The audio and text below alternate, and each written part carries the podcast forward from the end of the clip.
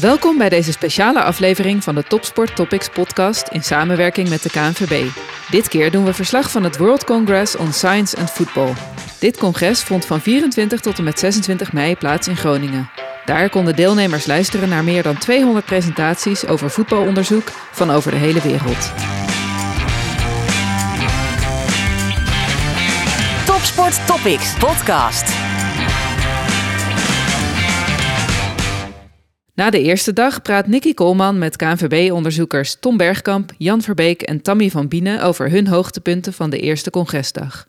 Maar niet voordat we eerst even aan organisator Michel Brink vragen waar hij tijdens het congres het meest naar uitkijkt. Michel, het WSF nu echt officieel van start. Wat betekent het nou voor het uh, Nederlands voetbal en het Nederlands voetbalonderzoek en misschien ook wel voor Groningen dat dit WCSF, het internationale congres, nu in Groningen wordt uh, georganiseerd? Ik hoop dat het voor hun uh, extra toegankelijk is. Dus dat je misschien net iets makkelijker hier naartoe gaat dan als het bijvoorbeeld in Australië georganiseerd uh, was. dat is vier jaar geleden gebeurd. Um, nu komen alle mensen vanuit de hele wereld hier naartoe. We hebben in totaal meer dan 370 deelnemers, 40 landen vertegenwoordigd vanuit alle continenten. Dus dat is echt geweldig. Ja, die lopen hier gewoon rond. En mensen kunnen daar natuurlijk in gesprek mee komen. En ook na die tijd contact mee houden en onderzoeken in opzetten. Dus ja, ik hoop dat het voor iedereen ontzettend nuttig is. Ja. Michel Brink, hartelijk dank. Topsport Topics podcast. De eerste dag uh, van het congres begonnen we met uh, een keynote van Evert Verhagen. En volgens mij waren we daar uh, alle vier bij aanwezig. En eigenlijk wat mij direct triggerde was de statement... blessurepreventie werkt niet.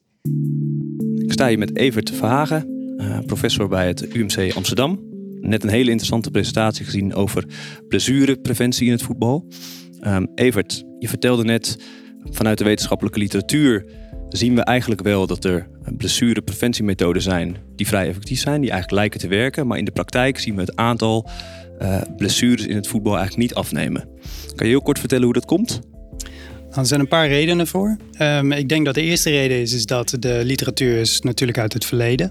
Um, en we hebben te maken met voetbal nu. Dat is niet meer het voetbal van 10, 20 jaar geleden. Dus je kan je afvragen of wat we weten ook wel aansluit bij hè, de, de, problemen die op dit moment spelen met blessures in voetbal. Dat is één. En twee, ja, je kan wel hele mooie methoden hebben, maar als niemand ze gebruikt, dan doen ze niks. Hoe komt het dat mensen in de praktijk uh, de methode dan eigenlijk niet gebruiken? Nou, ik, ik, denk dat die methoden die zijn wel heel mooi uh, hè, vanuit onze ivoren onderzoekerstoren bedacht. er is een probleem, ik herken dat probleem, ik vind een oorzaak en ik kom dan tot een oplossing die theoretisch gezien de beste oplossing voor dat probleem is. Maar in dat hele proces hebben we eigenlijk niet gekeken naar de praktijk. Wat is nou dit probleem in de praktijk? Waar loopt een coach tegenaan? Waar loopt een atleet tegenaan? Dus we komen wel met een mooie oplossing. Maar ja, die oplossing die sluit niet aan bij wat een coach of een atleet kan doen en wil doen. En dat moeten we dus eigenlijk van tevoren al meenemen in het creëren van die oplossing. En dat hebben we tot op heden nog niet gedaan. Tom, hoe kijk jij ernaar? Wat heb jij van zijn presentatie uh, onthouden of wat heb je eruit gehaald? Wat ik wel heel interessant vond, was dat Evert dus eigenlijk vertelde dat op basis van eh, de wetenschappelijke literatuur en wat er bekend is in de wetenschap, dat blessurepreventie dus wel lijkt te werken. Dat er echt methoden zijn die ja, laten zien dat het aantal blessures afneemt. Maar als we kijken naar de praktijk en de voetbalpraktijk, dat het aantal blessures uh, in wedstrijden over de afgelopen jaren eigenlijk niet echt is afgenomen. Dus er lijkt een soort mismatch te zijn tussen wat er in de wetenschap bekend is en ja, in hoeverre dat ook wordt toegepast in de praktijk. Waar zit dat dan in? Ja, er zijn in de praktijk verschillende type problemen. En de wetenschap die, die heeft die onderzoeken eigenlijk gedaan in laboratoria-settings, zo zou je het kunnen zeggen, in hele ja, gecontroleerde settings. En hoewel we daar dus wel vinden dat bepaalde methoden helpen um, met het voorkomen van blessures, zijn die resultaten in die setting volgens mij niet helemaal te vertalen naar, naar de praktijk. Ja. Dus heel simpel, er zijn bijvoorbeeld oefeningen die ontzettend goed lijken te werken om het aantal blessures in theorie te kunnen verminderen. Maar als je kijkt hoeveel spelers gebruiken nou echt dergelijke oefeningen in de praktijk, dan zie je dat het dus eigenlijk uh, tegen lijkt te vallen. Hoe kunnen we het nou vanuit de praktijk nou beter doen? Of misschien zelfs vanuit de wetenschapskant. Hoe kunnen we er nou voor zorgen met z'n allen dat uiteindelijk het aantal blessures misschien wel vermindert? Is daar ook een advies over te geven? Of heb je daar een advies over gehoord? Nou, volgens mij is, was zijn boodschap wel dat ehm, wetenschap beter aan moet sluiten bij praktijk. In plaats van andersom. Andersom. Dat praktijk meer moet letten op wat de wetenschap gebracht heeft. Dat zei hij ook wel, maar volgens mij dat eerste. De wetenschap moet eigenlijk meer ingericht worden zodat het aansluit bij de complexe problemen die we in de praktijk tegenkomen. En dat betekent soms ja, eh, je lapjas uitdoen en het veld opgaan en kijken wat daar met die mensen, eh, wat, wat zich daar speelt en met, eh, ja, met die practitioners samenwerken of mensen die blessures hebben opgelopen. Volgens mij richtte hij zich, eh, eh, was dat eh, zijn boodschap. Ja. Kijk jij daar hetzelfde naar, eh, Ja, Jan? ja, ja, nee, absoluut. Wat ik een hele, hele mooie metafoor vond, is dat we inmiddels, eh, wat betreft blessurepreventie, eh, ja, eigenlijk alle onderdelen van de auto, die, die kennen we, die hebben we. Eh, en wij wetenschappers zijn eigenlijk op zoek naar eh, de beste auto te bouwen, echt een Formule 1 auto te bouwen. Ehm, maar we zijn een beetje uit het oog verloren dat we moeten, uiteindelijk moeten gaan rijden op een, eh, op een eh, grindweg. Ja, op waar misschien die auto niet het meest geschikt voor is. Ja. We moeten de context niet uit het oog verliezen. Nee, wij, wij als wetenschappers zijn misschien eh, op zoek naar een, naar een ultieme oplossing. De praktijk is soms op zoek naar de meest simpele oplossing. Ja, en uiteindelijk kwam je bij de optimale oplossing uit, die een soort balans is van ja, beide werelden. Ja. Dat, dat vond ik heel sterk. En het praatje van eh Evert Verhagen was natuurlijk niet het enige wat we hebben gehoord eh, deze dag, de eerste dag van het congres. Want Jan, jij eh, hebt ook nog het een en ander gehoord. Wat is jou eh, bijgebleven van eh, de presentaties die je bijgewoond? Ja, ik was vanmiddag bij een sessie rondom dopinggebruik. En met name de protocollen die er zijn om eigenlijk dopinggebruik te voorkomen. Het was een presentatie van Scott McLean, University of the Sunshine Coast. En hij heeft eigenlijk een, een systeembenadering genomen in zijn onderzoek om eigenlijk te kijken naar, oké, hoe kunnen we het ja, dopinggebruik, kunnen we dat eigenlijk beter voorkomen? We kennen allemaal het WADA, een internationale instituut wat eigenlijk ja, eh, dopinggebruik moet voorkomen. Ehm, en hij heeft eigenlijk in kaart gebracht alle ja, facetten die op dopinggebruik een rol kunnen spelen. Dus dat is onder andere het WADA, maar het begint eigenlijk met de, met de speler. Die is onderdeel van een team. Dat team is onderdeel van een competitie, een bond, een structuur. En zo zijn er allerlei factoren die daar een, eh, die daar een rol, eh, rol bij spelen. En eigenlijk is het dopinggebruik, en dat, dat benoemde hij wel heel goed, is eigenlijk het, het, laatste wat we zien van een keten aan gebeurtenissen die heeft geleid tot dat dopinggebruik. Eh, en waarbij het WADA nu vooral op zoek is naar de dopinggebruiker, die, die op te sporen en te straffen. Er wordt er eigenlijk niet gekeken naar, oké, hoe hoe kunnen we het systeem wat heeft geleid tot dit gedrag, tot deze mogelijkheden, hoe kunnen we dat veranderen? En, eh, Draagt hij daar ook een oplossing voor aan? nou, ik denk inderdaad dat, dat het breder kijken naar het systeem, dat dat al een hele goede eerste stap is. Vanuit een bondsperspectief merken we ook wel dat we heel erg reactief soms één op één problemen willen oplossen. En daarbij eigenlijk gewoon kijken naar, oké, dit heeft zich voorgevallen, hoe kunnen we dit probleem oplossen? Of het nou gaat om het optimaliseren van onze competities, of ehm, om te gaan met bepaalde eh, eh, trainingsmethodes. En ik denk dat het heel erg interessant is om ehm, ja, een stap terug te doen en eigenlijk in kaart te brengen alle factoren die van invloed zijn. De context van eh, uiteindelijk dat, dat probleem of dat vraagstuk wat zich voordoet in kaart te brengen. Een goede suggestie die hij ook aan het WADA heeft gedaan is probeer niet alleen de dopinggebruiker op te sporen en te straffen, maar ga ook in gesprek met, met die persoon. Wat heeft hij doen overwegen om doping te gebruiken? Wat waren de eh, eh, wegen die je daartoe hebt bewandeld? Wat waren je overwegingen? Zo krijg je eigenlijk een veel beter beeld van, degene, nou van de dopinggebruiker... om er uiteindelijk ook wat mee te doen. In plaats van dat je continu maar in een soort cyclus blijft van... oké, we gaan degene opsporen, straffen... en eigenlijk ja, zal er binnen de kortst mogelijke tijd wel weer iemand komen... die ook doping gebruikt en die straf je dan weer. En, zo blijf je een beetje in die cirkel eh, hangen. Vond ik, vond ik heel interessant. En ehm, ja, ik denk ook uh, zijn, uh, zijn benadering is, is, uh, is iets waar we allemaal wat van kunnen leren. Ja, niet alleen in het voetbal, maar sportbreed. Zeker, zeker. En het geldt ook weer voor ons als, als onderzoekers. Door vaak proberen we heel erg dingen te isoleren, zodat we het gecontroleerd kunnen bestuderen. Ja, misschien moeten we niet het oog verliezen van het, van het, grotere, het ja. grotere plaatje, niet uit het oog verliezen. Nou, en dat sluit denk ik ook wel weer aan bij, bij het verhaal van Evert Verhagen over blessurepreventie. Verlies niet die context uit het oog, want daarmee verlies je gewoon een, stukje van, van de praktijksituatie. En uh, dat is denk ik misschien ook wel de boodschap die, uh, die we vaker terug horen. En misschien uh, ook wel bij jouw praatje of presentatie die heb jij bijgewoond, Tammy. Want vertel, waar, waar ben jij allemaal geweest vandaag op de eerste dag? Ik ben vanochtend bij een sessie over big data geweest. Dus grote datasets. het was een hele interessante sessie.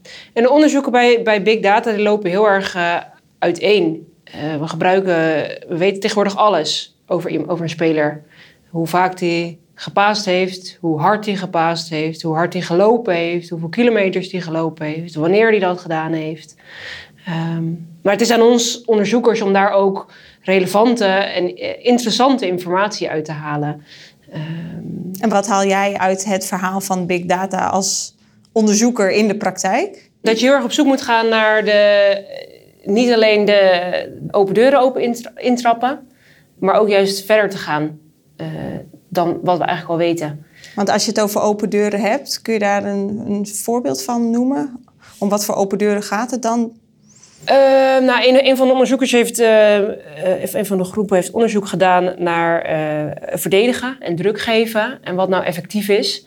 En eigenlijk was hun hoofdconclusie: ehm, hoe, hoe meer druk je op de bal geeft als verdediger, hoe groter de kans dat je de bal ook afpakt ja, dat...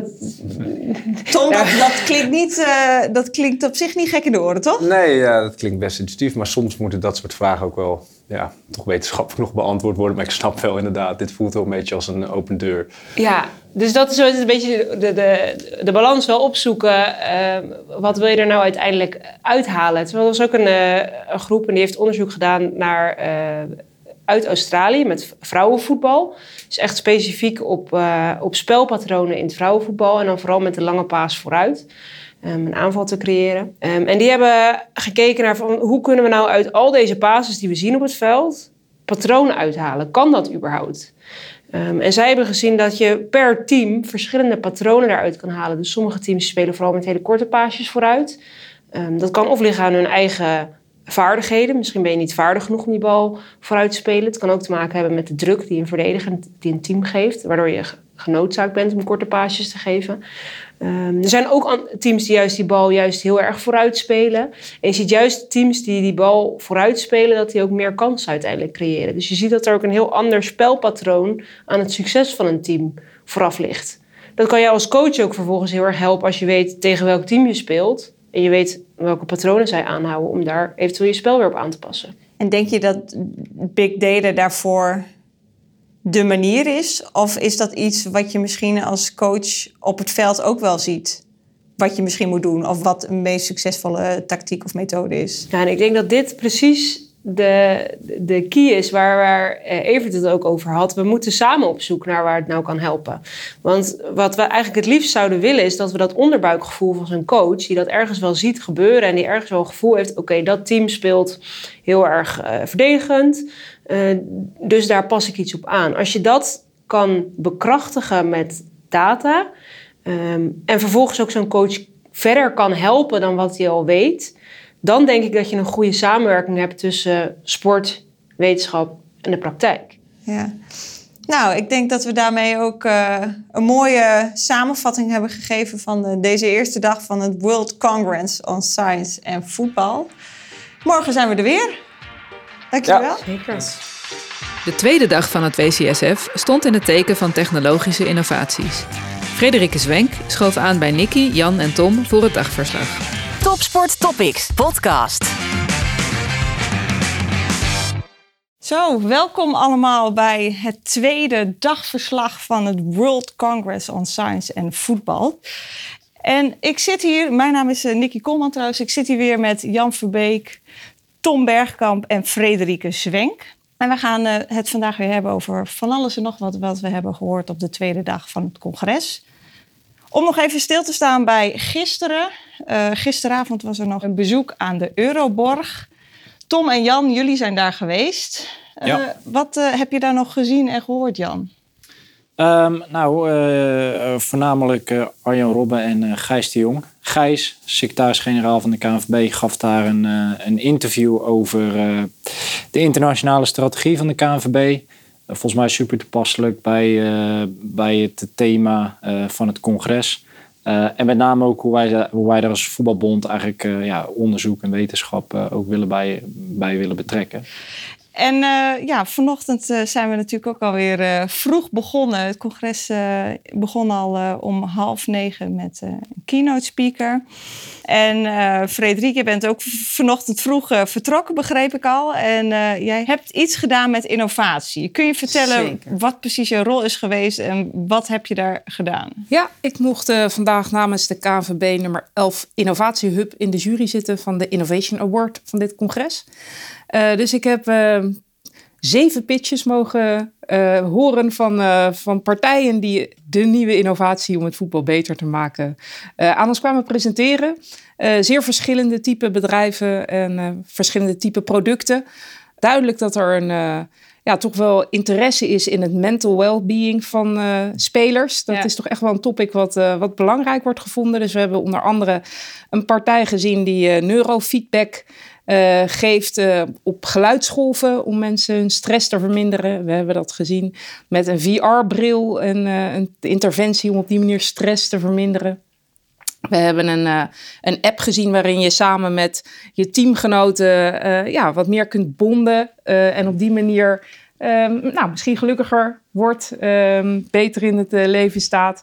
Dus uh, ja, dat, dat waren toch wel opvallend, vond ik, dat er zoveel onderwerpen eigenlijk op dat onderwerp zaten. Um, we hebben een, eh, een heel, moet zeggen, ja, grootste project uh, is er gepresenteerd om injuries te meten, een database op te zetten voor injuries. Nou ja, waar ze het liefst elke speler in zouden willen krijgen. Maar het zijn dus nog echt ideeën? En... Echt ideeën. Nou, sommige partijen zijn al wat verder, zijn al werkzaam bijvoorbeeld op een andere markt. Um, en, en, willen dat nu ook uh, binnen het voetbal gaan proberen. En andere partijen beginnen binnen het voetbal of binnen de sport in de hoop dat ze daarna uh, het breder, het breder kunnen, uitrollen. Ja. ja, inderdaad. Ja. Dus um, ja, en uh, nou ja, sommige partijen kennen we ook al. Onder andere een, methode um, ja, om de relatie tussen trainers en spelers te verbeteren. Ook feedback te krijgen op elkaars functioneren. Dus op, op die manier, nou ja, eigenlijk een speler beter te kunnen begeleiden. En we weten dat als een speler een goede relatie heeft met een trainer, dat dat belangrijk is voor het plezier wat mensen hebben. Dus ook dat is niet. En kunnen coaches dat nu ook al gebruiken in de praktijk? Zeker, dat is een, een van de innovaties die wel wordt gebruikt. Maar ja, altijd weer mogelijkheden tot doorontwikkeling ja. natuurlijk. Ja. Was het een app? Hoe, de, hoe deden ze dat? Uh, het zijn uh, vragenlijsten, inderdaad, die kun je via een, uh, een dashboard invullen. En daar komen rapporten uit die inzicht geven in de verhouding tussen de trainer en de speler. Hmm. En dat wordt al bij verschillende clubs gebruikt. Dus en jij mag uh, mede de, de award uh, voor beste innovatie uitreiken, begrijp ik. Uh, zeker. Nou ja, ik hoef hem niet uit te reiken. Dat de doen. Maar ik heb wel mee mogen bepalen uiteindelijk wie de, ja. de, beste innovatie had. En, Oeh, dit is alweer nagekozen. Nee, dat is, we hebben drie nom nominees. Oh, hebben wij. Ja. Drie genomineerden die morgen een pitch zullen gaan geven op het grote podium. Oh, waarna okay. de winnaar bekend wordt gemaakt. Nou, ik denk een mooie sessie om uh, bij aanwezig te zijn geweest. En uh, Tom en Jan, jullie zijn, uh, als het goed is, bij een coachingssessie geweest. Wat hebben jullie daar allemaal gehoord en uitgehaald? Ja, één heel interessant praatje gehoord van een onderzoekster uit Noorwegen, Siv Jesdaal van de Norwegian School of Sport Sciences. Sport Sciences. There we go. nee, maar dat was een, een heel interessant praatje. Want uh, het Noorse systeem, uh, wat betreft spelers opleiden en, en uh, speelontwikkeling, dat is heel anders dan het Nederlands systeem. Dat wist ik eigenlijk ook helemaal niet. Maar, want wat zijn de grootste verschillen? Ja, volgens mij delen zij dus tot een bepaalde leeftijd, tot onder 13 leeftijd, worden er bij amateurverenigingen volgens mij helemaal nog niet teams ingedeeld op voetbalkwaliteit. Uh, dus er zijn niet echt selectieteams zoals wij in, in Nederlands, uh, Nederlands voetbal wel hebben.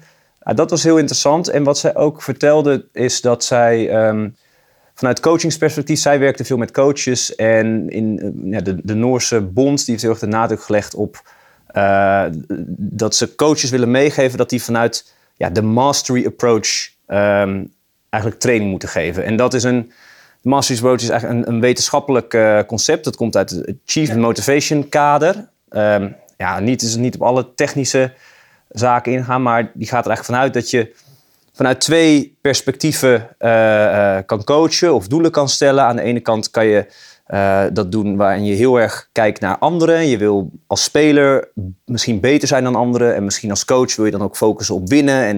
En dat, je als, dat je spelers meegeeft dat ze beter moeten of de beste moeten zijn en altijd moeten winnen. En aan de andere kant heb je het mastery framework. Waarin spelers vooral kijken ja, waar ze vooral zichzelf willen verbeteren. Maar coaches dat ook meegeven van hey, je best doen is goed genoeg. En je moet jezelf willen verbeteren. Niet altijd jezelf vergelijken met anderen. En onderzoek heeft laten zien dat dat gezonder is voor spelers. Um, ja, omdat je wel controle hebt over je eigen kunnen, maar niet... Over die van anderen. Precies. Ja. Dus coaches in Noorwegen gaan worden heel erg gestuurd om, om, ja, om vanuit die mastery-beweging uh, training te geven. I think um, it's easier. So this is for children's football, and I think it's easier to implement when you don't have these very sort of strict competitive structures that uh, make it difficult for you and kind of oppose a mastery climate in a lot of ways. Um, although I think it's possible to have a mastery climate within a very competitive structure as well, but I do think that it's um, it's it's easier to, to to do it and people are more open for it. And I think also in the Norwegian culture there is quite great agreement that this is how we want it to be done, at least until the kids are a bit older. Want wat zijn dan concrete voorbeelden van hoe je die approach in de praktijk zou kunnen inzetten? Nou, wat denk ik wel interessant is, is uh, een van die, uh, nou ja, vind ik wel hele kenmerkende aspecten van het Noorse jeugdsportsysteem. Is dus het, het niet werken met, met uh, competities in, in de vorm van ranglijsten en, en eindstanden. En omdat je dus eigenlijk geen uitslagen hebt, geen, weliswaar een, een, een wedstrijd scoren uiteindelijk hebt, maar daar doe je uiteindelijk niet zo, niet zo heel veel mee ja, dwing je eigenlijk al dat, dat je dus niet kan zeggen: hé, hey, wij zijn beter dan die ander. Want wij hebben uh, zo vaak gewonnen ten, opzichte, ten opzichte van die andere ploeg. Maar je dwingt ze dus eigenlijk om die vergelijking altijd met zichzelf uh, te leggen. Dus oké, hoe gaan wij ervoor zorgen dat we op een bepaalde manier de volgende wedstrijd gaan winnen? Hoe kunnen wij ervoor zorgen dat we ten opzichte van, van, de, van de week hier voor, voorafgaand beter gaan voetballen dan dan puur en alleen dat wedstrijdje winnen of dat kampioenschap binnenhalen. Het zit denk ik ook deels in de, in de context. Want uh, wat, wat coaches ook doen is, is differentiatie. Dus, dus nou, als ze merken dat bepaalde spelers meer uitdaging nodig hebben, is die spelen doorschuiven. Je merkt dat dat toch wel door de omgeving, ouders, en daar kwam ook een vraag uit de zaal over, die gaan dat toch al heel vaak zien als: hé, hey, wacht even, maar mijn kind is dus blijkbaar wel iets talentvoller. ja. Dus uh, ja, uh, hij, hij kan dus iets heel goed. Hij is, hij is uh, beter, beter dan de rest. Overigens zegt uh, Sif daar, daar, daar zelf in het fragment ook wel over dat daar niks mis mee is. Wat denk ik ook hartstikke goed is. Die differentiatie is ook nodig. sommige kinderen hebben een uitdaging nodig, dus die moeten een leeftijdscategorie hoog gaan voetballen. Maar je merkt dus met name dat de omgeving dan, of dat nou ouders zijn of, of andere teamgenoten, ja, dat daar toch wel wat moeite mee hebben om, dat, om, om het dan binnen dat mastery motivationele klimaat te blijven, blijven bekijken. Ja, wat ik ook heel sterk vond, we denken nog heel erg, en dat merk ik bij mezelf ook, misschien denk, we denken nog heel erg vanuit dat indelen op kwaliteit. En dan kwam ook een vraag aan het einde van iemand uit de Kamer van, uh, maar hoe, hoe doen jullie dit dan? Hoe delen, in die tot onder 13 categorie, hoe delen jullie dan spelers in? En zij was ook heel sterk van, ja, dat, het hoeft helemaal niet uh, voor mij. Waarom, waarom moeten we spelers indelen op, op, op kwaliteit? En waarom moeten we de, de score, want dat doen ze ook niet, de score bijhouden van wedstrijden. Waar, waar moeten we de score bijhouden? De enige die dat deden, uh, waren de kinderen zelf. En dan gingen ze onderling wel een beetje, hè, een beetje back and forth, maar dan waren ze het ook zo weer vergeten. Dus uh, ja, ik vond, vond het heel sterk ja. erin. Ik denk dat dat het stuk over coaching was. Frederike, jij bent ook uh, nog bij een andere sessie geweest. Je hebt niet alleen maar als uh, jurylid uh, fungeerd vandaag. Wat heb je verder nog gehoord of ge gezien? Ik ben vanmorgen ook nog naar de bijeenkomst geweest over scheidsrechters. Ehm, ik moet zeggen, ook wel vanuit de, de, interesse, omdat dat voor een groot deel ging over het gebruik van technologie binnen uh, het refereeing. Uh, wat ik ook erg leuk vond uh, om daar meer over te horen.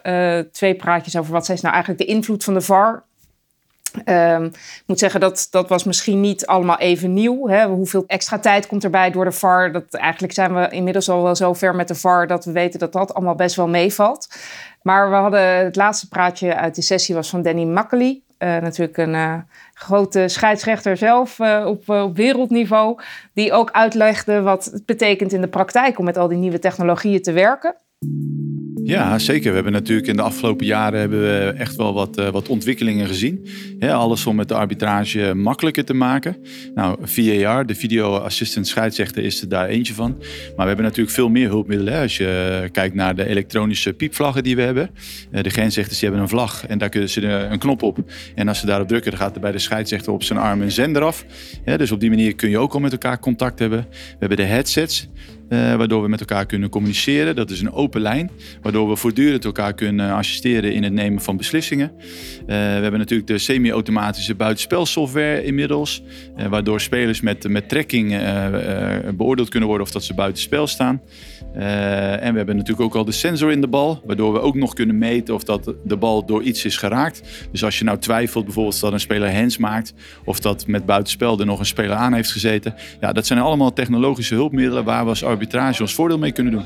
Hoe sta jij persoonlijk uh, zelf tegenover die technologische ontwikkelingen? Denk jij als je uh, iemand binnenkomt met een nieuwe technologie, ben je dan meteen van let's do it, we gaan ermee aan de slag? Ja, ik vind wel altijd dat als er iets nieuws is, dat je het moet uitproberen voordat je er een mening over kunt vormen. Ik ga er ook altijd vanuit dat uh, de ideeën die bedacht uh, worden altijd uh, zijn om het voetbal eerlijker te maken en om het, de arbitrage makkelijker te maken. Want dat, dat zijn juist hele goede ontwikkelingen. dus ik sta er altijd voor open en ja, door het te proberen zal moeten blijken of dat het ook echt toegevoegde waarde heeft ja, hij is wat dat betreft zeer positief over de, de technologische ontwikkelingen. En uh, ik denk dat dat wel erg leuk was om. Uh... En het, is dus geen overkill aan, aan technologie? Of... Zeker niet. Nee, uh, alles voegt echt nog wel wat toe. Wat wel heel belangrijk is, dat het het voegt iets toe. Het is, uiteindelijk ligt de eindbeslissing nog steeds bij de scheidsrechter op het veld. Ja. Um, dus het zijn hulpmiddelen waardoor een scheidsrechter beter een beslissing kan nemen. Maar het blijft de scheidsrechter die de beslissing neemt. Uh, er werd ook gesproken over bijvoorbeeld een voorbeeld als Hens. Ja, je kunt beter zien misschien of de bal wel of niet uh, een hand heeft geraakt. Maar uiteindelijk is het nog altijd de beslissing van een scheidsrechter...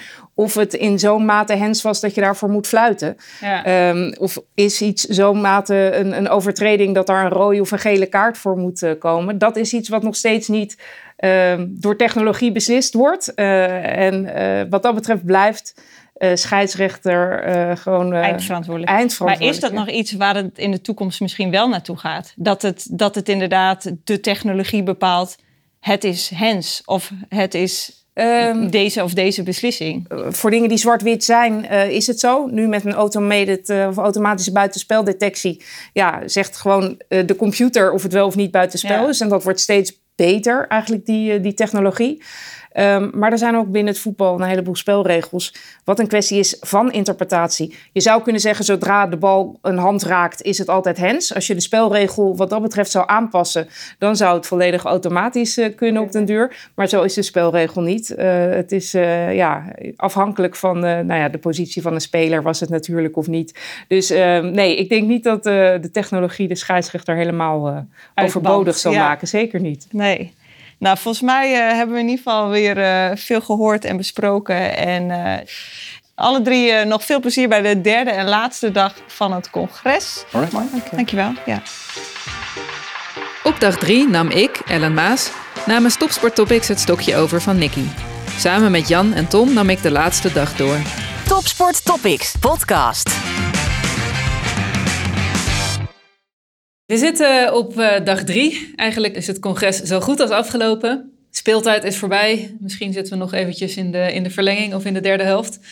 Um, maar goed, tijd voor de analyse. Om te beginnen bij jou, Tom. Jij was naar een uh, sessie over big data. Ja, het uh, was wel een leuke sessie. er zijn dus meerdere big data sessies geweest. Tammy maandag was er ook al naartoe. En ja, deze sessie zag wel een leuk praatje van uh, Lotte Bransen. Dat ging over uh, vrouwenvoetbal. Lotte, werkzaam bij de KU Leuven en bij SciSports. Um, ja, die had eigenlijk een uh, metriek gemaakt op basis van een bak met data... Ehm, om handelingssnelheid bij speelsters te meten.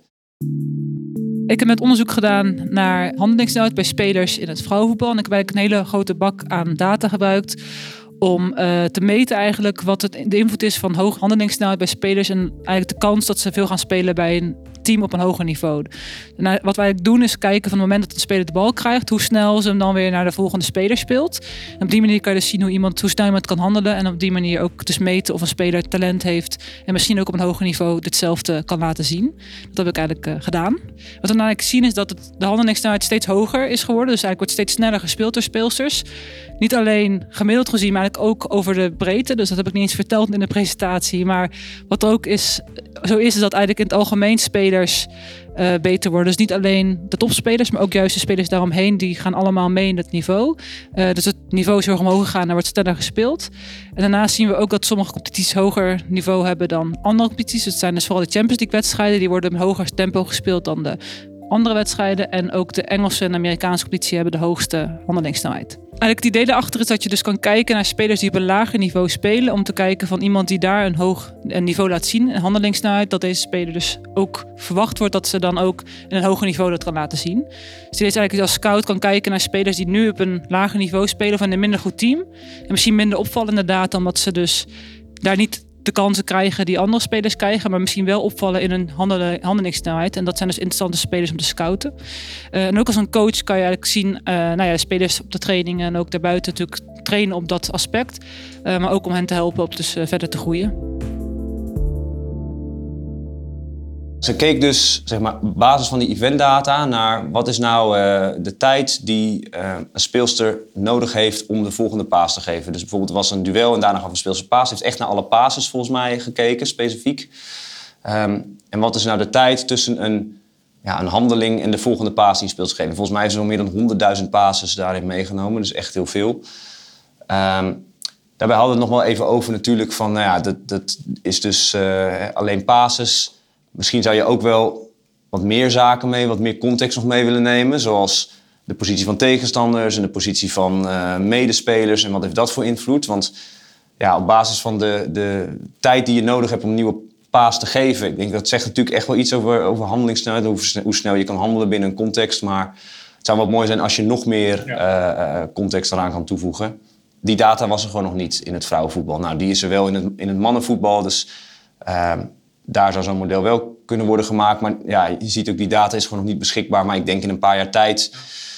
Ja, die technologische vooruitgang gaat zo snel. Ook, ik denk dat ook, hopelijk is dat ook in het vrouwenvoetbal binnen een paar jaar beschikbaar.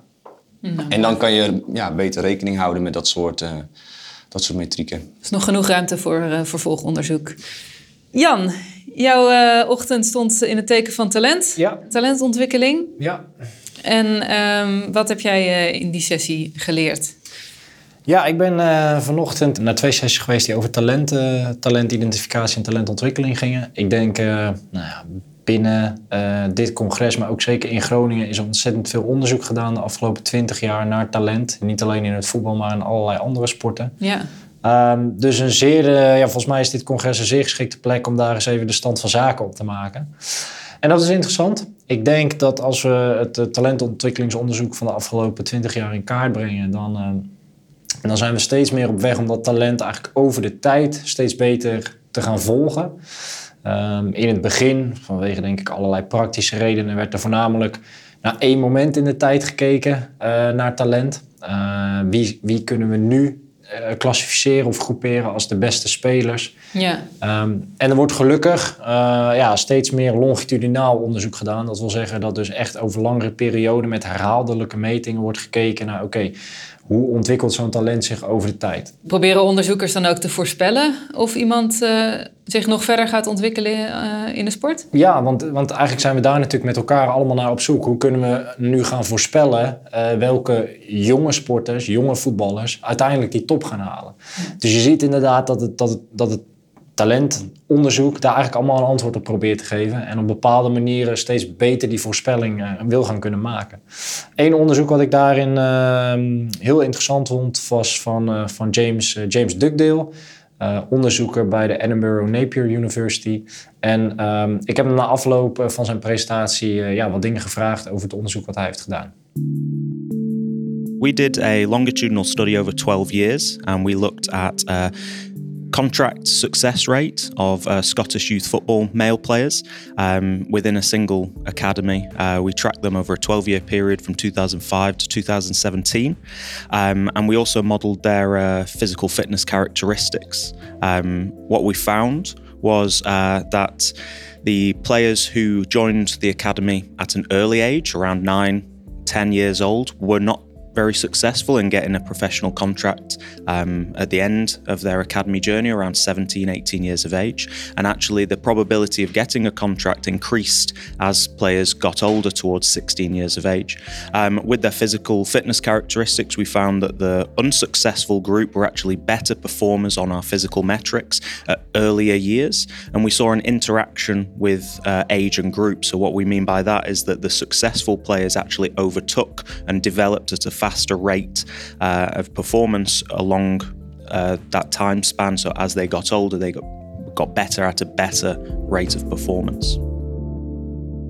Wat James eigenlijk uitlegt en wat, wat ik dus heel interessant vond aan zijn presentatie, is dat hij eigenlijk laat zien dat de, spelers die dus op jonge leeftijd een academie binnenkomen, ja, dat de kans dat die uiteindelijk een profcontract krijgen, ja, dat die voor 8, 9-jarige kinderen gewoon letterlijk nul is. Dus, dus met nou ja, haast geen enkele mogelijkheid kun je zeggen. Als je die spelers op die leeftijd een, een academie of een talentontwikkelingsprogramma laat instromen. Of dat dus uiteindelijk je, je latere topsporters zullen gaan worden. En toch gebeurt dat wel. Hè? De scouts zijn echt op hele jonge leeftijd in het voetbal al op zoek naar uh, de nieuwe Messi. Ja, ja, nee, ja, dat, ja dat, dat blijft toch een, eh, een, een hardnekkig fenomeen. Het ging, het ging in de andere talentsessie ook inderdaad over dat selecteren. Uh, nou ja, dan wordt eigenlijk in één adem het geboortemaandeffect genoemd. En uh, wat, wat dat dan voor ja, wat selecteren een soort versterkend effect daarop kan hebben.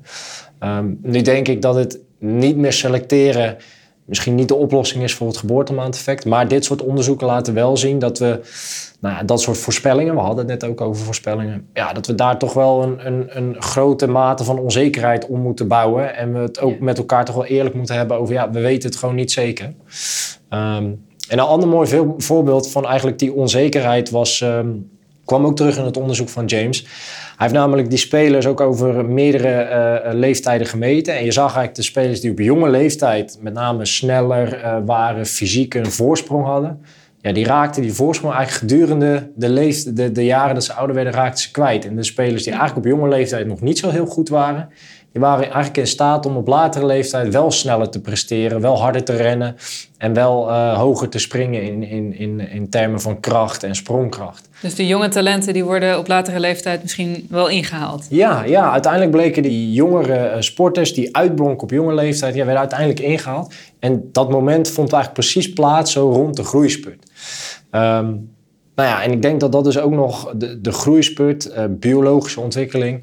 Volgens mij zijn we daar nog steeds, uh, uh, ja, hebben we daar nog steeds niet goed genoeg de vinger achter wat dat nu precies voor effect heeft op, op de ontwikkeling. Maar we zien dus wel dat het een, een enorm effect kan hebben. Want ja, het op jonge leeftijd nog niet top presteren, zegt uiteindelijk dus ja, zeer weinig over de kansen die als, uiteindelijk als profvoetballer in dit geval in dit geval hebt. Dus, uh... Ja, ik vind het interessant dat zijn bevinding die, die je net beschrijft, uh, dat ja, spelers die misschien laat rijp zijn, eigenlijk die andere spelers nog kunnen inhalen.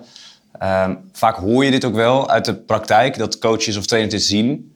Um, maar in de literatuur zijn er eigenlijk niet echt goede studies geweest die, die dit hebben onderzocht. Tenminste, niet voor zover ik weet. Dus ik vind het interessant dat hij dat heeft onderzocht. Er zijn ook wel wat studies geweest in het verleden, volgens mij, waarin wel wordt laten zien dat ja, kinderen die wat voorlopen, Um, dat ook blijven doen. Dus zijn, hij beschrijft ook, hè, zijn bevindingen die staan eigenlijk daar een beetje haaks op. Maar ja, ik hoop dat dat zijn wel de inzichten die we natuurlijk willen weten. Hoe, ja. hoe ja, zien we nou ook echt uit de data wat we misschien het gevoel hebben van kan zo'n speler uh, nou die andere spelers nog inhalen? Nou, en in zijn onderzoek liet zien van ja, dat kan ja. Uh, nog. Dus nou ja, alles wat je net hebt beschreven, daar moeten we heel goed mee omgaan wanneer we talent willen herkennen en uh, willen, eventueel ook willen selecteren of indelen. Ja, en een, en een onderzoek wat dat eigenlijk ook laat zien is een onderzoek van Barbara Huigen. Zij heeft naar de technische vaardigheden van, van jonge voetballers uh, gekeken. Ook wederom over de tijd, over verschillende, uh, ja, verschillende leeftijden. En wat je daarin dus ook ziet, is dat er een enorme overlap is in scores van topvoetballers en uiteindelijk niet topvoetballers. Dus ook moeten we zeker in het talentontwikkelingsonderzoek niet die individuele speler vergeten. En ja, met groepsvergelijkingen aan de slag gaan. Omdat uiteindelijk dat individuele ta- talentontwikkelingsproces... Ja, dat maakt uiteindelijk of een speler de top haalt, ja of nee. En ehm, ehm, ja, het, het vergelijken van twee grote groepen en daar trends proberen uit te halen... wil nog wel eens ja, dat, dat talentontwikkelingsproces een beetje doen vertroebelen. Ja. Dus ik denk dat dat ook zeker voor de toekomst een belangrijke, belangrijke les is. Ja, ik- zou zeggen inderdaad, je, je hebt beide nodig. En eerst is inderdaad heel erg gefocust geweest op die twee groepen. En nu langzaam gaan we wel meer steeds... eh, omdat er ook ja, steeds meer data beschikbaar Ja. is. We hebben nu over een lange periode vaak dingen gemeten. Kunnen we ook steeds meer analyses doen op het niveau van die individu. Dat is nog wel steeds belangrijk dat we veel individuen in kaart brengen. Maar niet, niet meer groepsgemiddelde vergelijken met alleen de amateurspelers... met bijvoorbeeld spelers in een betaald voetbalopleiding. Ja. Oké. Nou ja, zoals ik al zei, we komen echt eh, aan het einde van, eh, van dit congres. Hebben jullie een beetje een beeld gekregen ehm, waar het onderzoek heen gaat? Wat zijn de trends eh, op onderzoeksgebied? Eh, Jan, heb jij daar een eh, mening over? Ja, wat mijn les is van drie dagen het World Congress on Science en Voetbal... is dat wij als onderzoekers best nog wel eens kritisch naar ons eigen werk mogen kijken. Ehm, gelukkig is er een beweging op gang in het, eh, in het wetenschappelijke onderzoek. Dat eigenlijk steeds kritischer eh, gaat kijken naar op welke manier doen wij onderzoek. En eh, doen we dat eigenlijk wel op de juiste manier? We hadden het net over de ontwikkelingen binnen het vrouwenvoetbal. Een van de presentaties ging over zogenaamde meta-analyses. Een moeilijk woord voor eigenlijk een soort samenvatting van al het onderzoek wat over een bepaald onderwerp tot dan toe is gedaan. Ja, echt een overzichtsstudie. Een overzichtsstudie, ja. ja, En deze overzichtsstudie ging over eh, het risico bij met name vrouwelijke voetballers op eh voorste kruisbandblessures. Ehm, maar veel van die studies in die samenvatting kwamen uit 2000, de jaren 2000, begin 2000, net voor het nieuwe millennium. Ehm, ja, en, en we hadden het net over de ontwikkeling in het vrouwenvoetbal. Die zijn onvergelijkbaar Ja. met die tijd toen. Ja, dat Dus- spel is natuurlijk enorm veranderd in eh 23 jaar. ja, Dus, dus hoe gaan wij ooit die onderzoeksresultaten, ja, hoe, hoe zijn die nog van waarde voor een uitspraak over het voetbalspel nu? Nou, en ik denk dat we, dat we dus daar als onderzoekers heel kritisch naar moeten kijken om te zorgen dat het werk wat wij doen, het onderzoek wat we doen, een nog betere vertaling krijgt naar, eh, naar het veld. Ja. Ja, ja en daarbij ook hè, de, de sportwetenschappers zijn natuurlijk ook wel soms bekend dat ze veel met kleine steekproeven hebben gewerkt. Dat is, ja, is ook zo. Ja. Veel onderzoek. Ook deze dagen ging bijvoorbeeld naar eh, ja, toch wel eh, topvoetbal. Ehm, ja, wil je dan die spelers in jouw steekproef krijgen, dan ben je vaak al. eh, ja, kan je niet anders dan maar met een kleine steekproef werken. Maar goed, voor ja, het generaliseren van onderzoeksbevindingen wil je natuurlijk graag een zo groot mogelijke steekproef. Dus ja, soms eh, als je dan terugkijkt naar het verleden, heb je soms wel eens het idee van ja, er zijn, er zijn ook wel studies geweest waarin, ja, ondanks dat de goede bedoelingen van de onderzoeker, die steekproef eigenlijk gewoon echt te klein is geweest om ehm, ja, die bevindingen te vertalen naar het veld of naar het bredere onderzoeks, eh, onderzoeksland. En daarnaast inderdaad, ja, de, wat Jan ook al zei, de brug van wetenschap naar praktijk. Dat is voor mij echt wat ik er, eh, wat ik er wel uit heb gehaald. Ja, dus de wetenschap uit het lab eh, op het voetbalveld Ja. eh, proberen te krijgen. Ja, en dat viel me gewoon wel op van de laatste dagen. Er zijn echt veel onderzoeken gepresenteerd waarin ehm, ja, de, de, de onderzoekers aan de slag gingen met stakeholders. Dus met, ja, met mensen uit de praktijk, met coaches, met spelers. Maar ook niet alleen die mensen als proefpersonen gebruiken, maar ook de probleemdefiniëring met die mensen vaststellen. Dus er zijn, eh, werd bijvoorbeeld heel veel kwalitatief onderzoek ook gepresenteerd. Ehm, heel veel met coaches. Met, ja, waar letten coaches nou op? Hoe gaan ze nou te werk? Ehm, ja, ik denk dat dat inderdaad heel goed is om eigenlijk uit die, eh, nou ja, misschien eh, die ivoren toren te komen. Ja, zoals Evert Verhagen dat noemde Zoals Evert inderdaad. Verhagen dat Ja. noemde inderdaad. En, Helemaal aan het begin. Ja, Ja, mooi. Dat, is- dat was toch, toch een hele passende uitspraak. ja. Ehm, hey, ik heb wel een beetje het idee dat voetbal best wel een conservatieve sport is. Als je kijkt naar eh, hoe, eh, hoe lang het bijvoorbeeld heeft geduurd voordat er eh, eindelijk eens met een videoscheidsrechter wordt gewerkt, eh et cetera. En, en nou ja, ook dat eh, coaches nog steeds ehm, vaak graag op een wat ouderwetse manier coachen. Ehm, we hebben de afgelopen dagen natuurlijk heel veel technologie en innovaties voorbij zien komen. Hebben jullie het idee dat dat een kans maakt in het, in het voetbal? Dat dat een beetje omarmd wordt? Of gaat worden? Tom? Ja, Eh, zeker, ja, eigenlijk wel. Ik denk, eh, ja, ik heb, moet eigenlijk al zeggen, eh, ik had ook wel, nou, ik heb hiervoor natuurlijk onderzoek gedaan in Groningen. Toen kwam ik eigenlijk ook altijd wel met, de, ging daar ook in met het idee van, ja, het voetbal is vrij conservatief. Maar ik moet zeggen, en dat kwam ook wel weer terug in het congres, dat het toch eigenlijk wel, ik toch eigenlijk wel mee vind vallen. Dat je ook toch zoveel ja, mensen in de praktijk hoort die graag mee willen werken aan onderzoek. Eh, dat is persoonlijk ook altijd het leukste als iemand geïnteresseerd is in je onderzoek en aan mee wil werken. Dus Ja. als wij kunnen laten zien dat het werkt en dat het, ja, het, het voetbal verbetert of eh, we daar spelers mee kunnen verbeteren, ja, dan, dan zijn, haal je mensen eigenlijk wel over om, om uit de praktijk op mee te werken. Dus ja, dat vond ik nu ook. Gisteren hebben we daar ook even over gehad met SIF in Noorwegen bijvoorbeeld, waarbij ook echt de coaches ja, heel erg graag mee willen werken met eh, ehm, ja, het invoeren van eigenlijk een mastery-gericht approach in, het, in, in trainingen. Dus ja, echt wel een voorbeeld voor mij voor hoe ja, dat het misschien toch niet altijd zo conservatief is als we denken. Ja. Aan de andere kant vind ik nog wel, ja, we zaten nu wel met een hele grote groep onderzoekers. En gelukkig waren er ook wel mensen uit de praktijk bij. En de brug in de praktijk werd vaak gelegd. Ehm, maar ja, op het congres zelf zou het nog wel mooi zijn als je ja, nog meer eigenlijk met, eh, met misschien die mensen in gesprek gaat. Of met workshops of demonstraties. Eh, ja. Oké, Jan, nog iets aan toe te voegen? Nou ja, ik denk inderdaad dat, ehm, dat het voetbal als eh, competitieve sport eigenlijk een van de beste podia is en eh, heel snel nieuwe technologieën omarmt. Eh, juist omdat, omdat je op zoek bent naar een competitief voordeel ten opzichte van je tegenstanders. Ehm, en ik denk eigenlijk dat het de rol is van ons als onderzoekers om dus eh, ja, de praktijk te helpen om te gaan met die technologie en het op een juiste manier toe te passen. En het ook op een juiste manier eh, zo te laten werken. Dat het ook uiteindelijk leidt tot, dat, tot die prestatieverbetering, tot het competitieve voordeel. Dus, ehm, dus, dus nee, ik, ik denk zeker niet dat het voetbal een conservatieve sport is. Ik denk dat het heel erg open staat voor nieuwe technologieën. We hebben een aantal eh, schitterende voorbeelden van gehad. De, de ontwikkeling rondtre- omtrent big data is, is niet meer weg te denken. Ja. Ehm, en ja, volgens mij ligt er een taak voor ons als onderzoekers om te zorgen dat, eh, dat we dat imago van het voetbal een beetje oppoetsen. En, eh, en, en zorgen dat het eh, ja, als innovatief eh, te boek komt te staan. Nou, dit, eh, het zit erop, het congres. Ja. Drie dagen eh, over eh, voetbal en wetenschap. Volgend jaar weer? Over vier jaar zijn we weer aan de beurt. Over vier jaar. En over twee jaar is het, eh, waar is het dan? World Congress on Science and Soccer in Glasgow, 2025. Dus dit waren eigenlijk alle voetbalcodes. Hè? Bijvoorbeeld ook Australian Rules voetbal. Over twee jaar echt alleen Alleen soccer. voetbal zoals wij dat kennen. Zoals wij dat kennen. En eh, dan zijn we er ook. Wij zijn erbij. Oké, nou, ik weet niet of wij daarbij zijn met een podcast. Eh, maar voor nu wil ik jullie in ieder geval heel hartelijk danken. Eh, ik vond het een, eh, een mooie drie dagen en een mooie manier om verslag te leggen van een congres. Dank jullie wel. Ja, oké. Dankjewel. Leuk dat je hebt geluisterd naar deze speciale WCSF-aflevering van de Topsport Topics podcast in samenwerking met de KNVB. In de show notes hebben we een paar linkjes verzameld van onderzoeksprojecten die in deze podcast aan bod zijn gekomen. Daar zie je bijvoorbeeld ook wie nou eigenlijk die Innovation Award heeft gewonnen, waarbij Frederike in de jury zat.